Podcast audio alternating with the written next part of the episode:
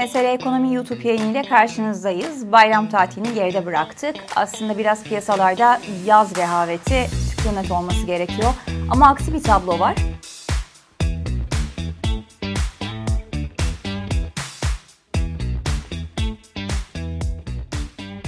Regülasyonların bir yandan gevşetildiği, bir yandan düzenlemelerin vadesinin uzatıldığı, yani anlamamız gereken çok bilinmeyenli bir denklemle bayram sonrası e, yaza devam etmeye çalışıyor piyasalar. Çok da yatırımcının, şirketlerin tatil yapmasına olanak vermeyecek bir e, yaz gündemi olacak Türkiye ekonomisinde.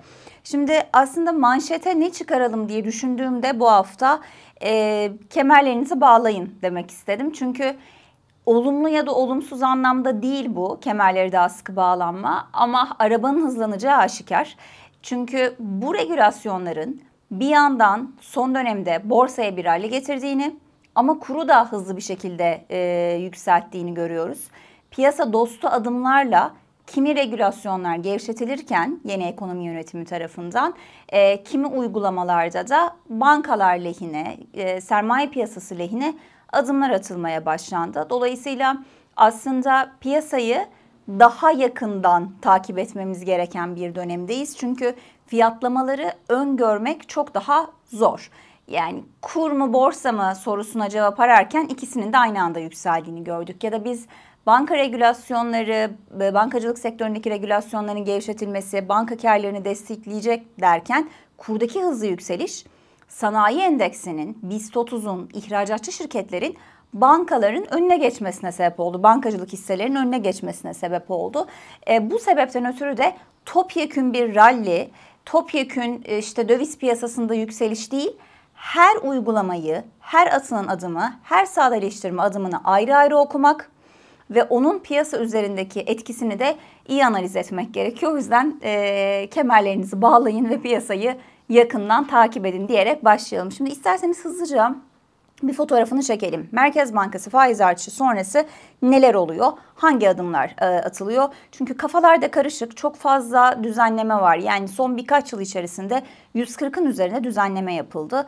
E, bu artık biraz finansal okuryazarlığı da aştı. Yani finansal okuryazarlığı yüksek olan görevi ekonomist olan işte iktisatla uğraşan kişiler bile artık Türkiye piyasalarındaki regülasyonları takip edemez hale geldiler.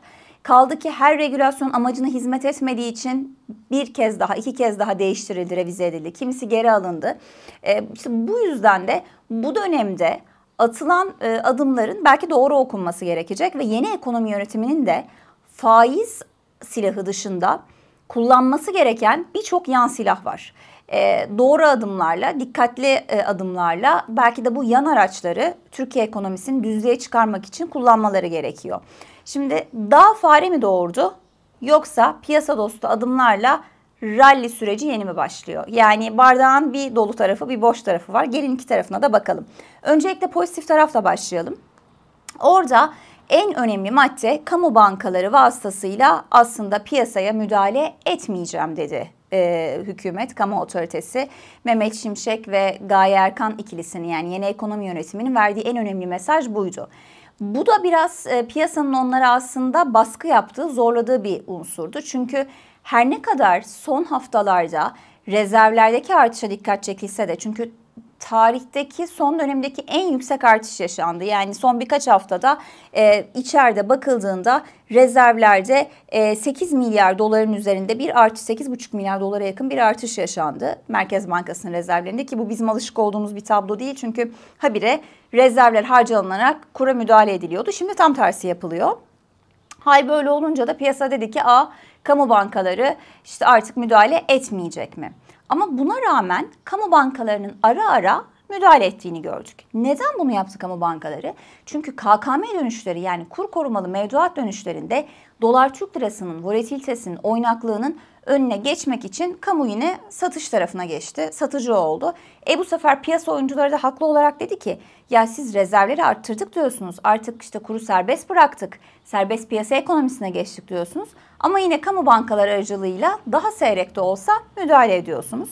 Buna da cevap gecikmedi. Ekonomi yönetimi dedi ki bizim müdahale etmemizin amacı piyasayı yönlendirmek ya da işte kuru baskılamak değil KKM dönüşleri geldikçe ihtiyacı karşılamak.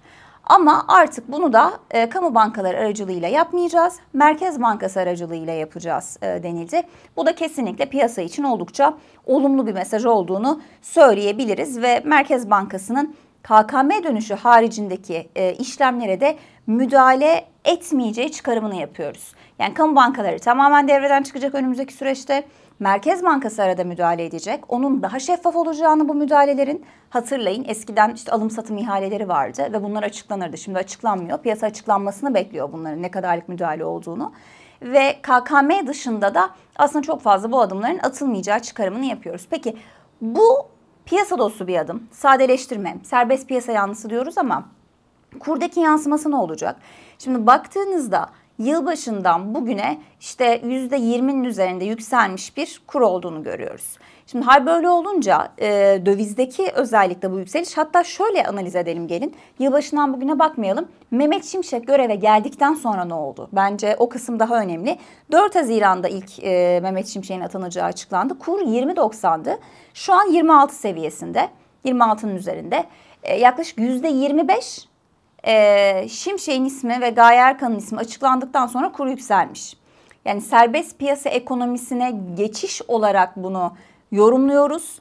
Ama bir kısımda diyor ki dedik ya bardağın boş tarafı diye ya işte Şimşek geldi e, döviz piyasası dağıldı. İşte enflasyon üzerinde baskı olacak işte kur bırakıldı ama şuradan bakmak lazım. Yani şimdiye kadar kurun 18-20'lerde sabit tutulması doğru bir hareket değildi ki. Yani rezervler harcanarak zaten bu yapıldı ve adil değer olması gereken değer bu kadar yüksek enflasyon olduğu bir ülkede uzun bir süre işte 18-20 bandında yatay kalan bir dolar Türk lirası elbet değildi. Dolayısıyla 26'ya doğru yükselmesi evet Türkiye ekonomisi için birçok noktada risk oluştursa da serbest piyasaya geçiş için önemli bir adım. Nitekim az önce bahsettiğimiz bu düzenleme yani kamu bankalarının piyasaya artık müdahale etmeyeceği, Merkez Bankası'nın da sınırlı müdahale edeceği mesajı bundan sonra kurun bu dalgalanmasının devam edeceğini gösteriyor. Beklentiler nasıl diye baktığımızda yabancı kurumların son dönemdeki dolar Türk lirası beklentilerine bakıldığında yılın ikinci yarısı için ortalamada 27-28 seviyelerini zikrettiklerini görüyoruz. Yani şu an olduğu seviyeden aslında bir miktar daha kurun gidecek yeri var diye beklentiler var. Devam edelim. Yine piyasa dostu adımlar içerisinde e, dikkat çeken bankalarla ilgili atılan bir e, adım var biliyorsunuz. O tarafta bankalarla ilgili Türk lirası tutmayan bankalara cezai şartlar çok e, sertti. Bu yumuşatıldı. Nedir bu? Menkul kıymet dönüşümü var biliyorsunuz. Menkul kıymet tesis oranı diye bir oran var. E, çok teknik bir ifade daha sadeleştirip daha basit anlatalım. Bankaların elinde TL eğer azalırsa Merkez Bankası bunlara ceza veriyor. Fonlama maliyetleri artıyor. Diyor ki bol bol TL tutmanız lazım. Döviz tutmayın elinizde. İşte rasyoları tutturamazsanız da e, ben size orada yüksek bir yükümlülük vereceğim. E bankalar da bunun için ne yapıyor? TL'yi nasıl çekecekler? Yani bu kadar enflasyonun olduğu, kurun yüksek olduğu bir dönemde kimin Türk lirasına talip olabilirler ki? Yani mevduat faizini yükseltmek zorunda kaldılar. İşte bu sebepten uzun bir süredir KKM faizleri, TL mevduat faizleri %40'ların üzerine aştı. Hatta opsiyonlu KKM denildi. Denildi ki siz dövizinizi bozun, Türk lirasına geçin. Ben faizin işte üçte birini hatta yarısını bir sene bile beklemeyin, vade sonunu bile beklemeyin. Baştan vereceğim demeye başladı bankalar ki o Türk lirası rasyosunu tutturabilsinler. E bu da bilançolarını yıprattı. Piyasadaki faizleri, faiz hadlerini genel olarak yukarı çekmişti. İşte bununla ilgili Son düzenleme bize şunu söylüyor. Bankacılık sistemi için %60 seviyesinde bulunan Türk lirası dönüşüm oranı gevşetildi ve 57'ye indirildi. Çok büyük bir gevşeme değil. Ama eğer bu adımın devamı gelecekse ve bir niyet okuma yapmamız gerekirse bankalar için buradaki koşulların rahatlayacağı aşikar. Bunun da banka karlarına pozitif katkı yapması bekleniyor. Sadece bu uygulama değil, aynı zamanda aslında KKM toplayarak Türk lirası mevduat oranı tutturmak için çabalayan ve müşterilerine %50'ye yakın faiz veren e, bankalar artık bundan sonra işte döviz dönüşümlü KKM faiz oranlarını da %40'ın altına çekebilecekler. Bir yandan e, kredilerde çok sıkışıklık vardı. E, yani mevduat faizi çok yüksek olduğu için kredi faizleri de yüksekti. Kredi vermek istemiyorlardı. Orada biraz likitte rahatlama sağlanacak. O yüzden topyekün bu uygulamayı da eğer devamı da gelirse bankalar üzerindeki cezai şartların TL tutup tutmamakla ilgili yumuşamasının devamı gelirse şöyle yorumlamamız gerekiyor. Türkiye'de yılın ikinci yarısında hem KKM'nin hem TL mevduatın faizleri aşağı gelecek ki zaten gelmeye başladı. 40'ların üstünden 30-35'lere doğru gelindi. Hem de sıkışık olan ticari kredi piyasası biraz açılacak. Yani orada mesela %15-20 faiz var ama hiçbir bankadan %15-20'ye gidip bir KOBİ ya da bir şirket e, kredi çekemiyordu. Şimdi yavaş yavaş bankaların kredi verme iştahı da bir miktar daha artacak. Bunun hem piyasayı rahatlatması bekleniyor hem de banka karlarını desteklemesi yönünde e, bir beklenti var. Gelelim üçüncü konuya. Dedik ki işte kamu bankaları müdahale etmeyecek birinci madde. İkinci madde bankalardaki cezai şartlar e, azal yumuşatıldı. Ve üçüncü son madde de piyasa dostu adımlar içerisinde PPK metninin içerisinde Merkez Bankası'nın son yaptığı faiz artışı sonrası aslında gerçekçi bir tutum sergilemesi. Nedir bu gerçekçi e, tutum? Aslında e, dedi ki Merkez Bankası 3 Temmuz tarihinde yayınlanan e, tutanaklarda enflasyonun yüksek seyrinin devam edeceğini düşünüyoruz. Kur ve asgari ücret artışlarının getirdiği ilave maliyetler nedeniyle 2023 yıl sonu enflasyonu yükselmeye devam edecek ve %5 enflasyon hedefinin para politikası açısından gerçekleştirilmekten çok uzak bir hedef olduğu belirtildi. Yani ilk defa rasyonel bir şekilde %5 hayalinden vazgeçen ve şu anki kur artışının enflasyon üzerinde getirdiği yükü farkında olan, asgari ücretin yükselmesinin enflasyon üzerindeki olumsuz etkisinden farkında olan bir merkez bankası var. Ve piyasa dedi ki eğer PPK metninin detaylarına TCMB bu rasyonel analizi, bu farkındalığı yüksek cümleyi koyuyorsa demek ki faiz artırımlarının devamı gelecek. Şimdi yıl sonu için beklentilere baktığımızda politika faizinin %25'in üzerine gelmesi bekleniyor. Bu yeter mi yetmez mi tartışmaları elbette var. Belki bunu artık e, ne diyelim olumlu taraftan biraz yavaş yavaş olumsuz tarafa geçelim. Şimdiye kadar atılan adımlarda olumsuz taraftan görmek lazım. Çünkü her ne kadar metnin içerisinde ben riskleri farkındayım diyen bir e, yeni ekonomi yönetimi olsa da başta Merkez Bankası olmak üzere aslında riskleri farkında olsa da yeterince sıkılaşamayacağına dair endişeler çok fazla. Şimdi bir kere yıl sonu enflasyon beklentisi açıklandı biliyorsunuz. E, çarşamba günü sabah enflasyon geldi ve gelen enflasyonda TÜİ'nin açıkladığı rakam işte %3.9, beklenti 4.30'du. Yıllık enflasyonda kabaca %38. Şimdi bu enflasyona pek de kimse inanmadı ve TÜİ'nin işverenleri ve e, kamu otoritesine rahatlattığı, valla TÜİ'nin enflasyonu bir hediye gibi oldu. İşte yüzde e, ilk 6 aylık rakama bakıldığında 20, memurlara işte maaşı çalışanlara yüzde 20 zam gelecek diye bir e, aslında söylem var. Dolayısıyla TÜİ'nin enflasyon rakamları hala tartışmalı olmaya devam ediyor.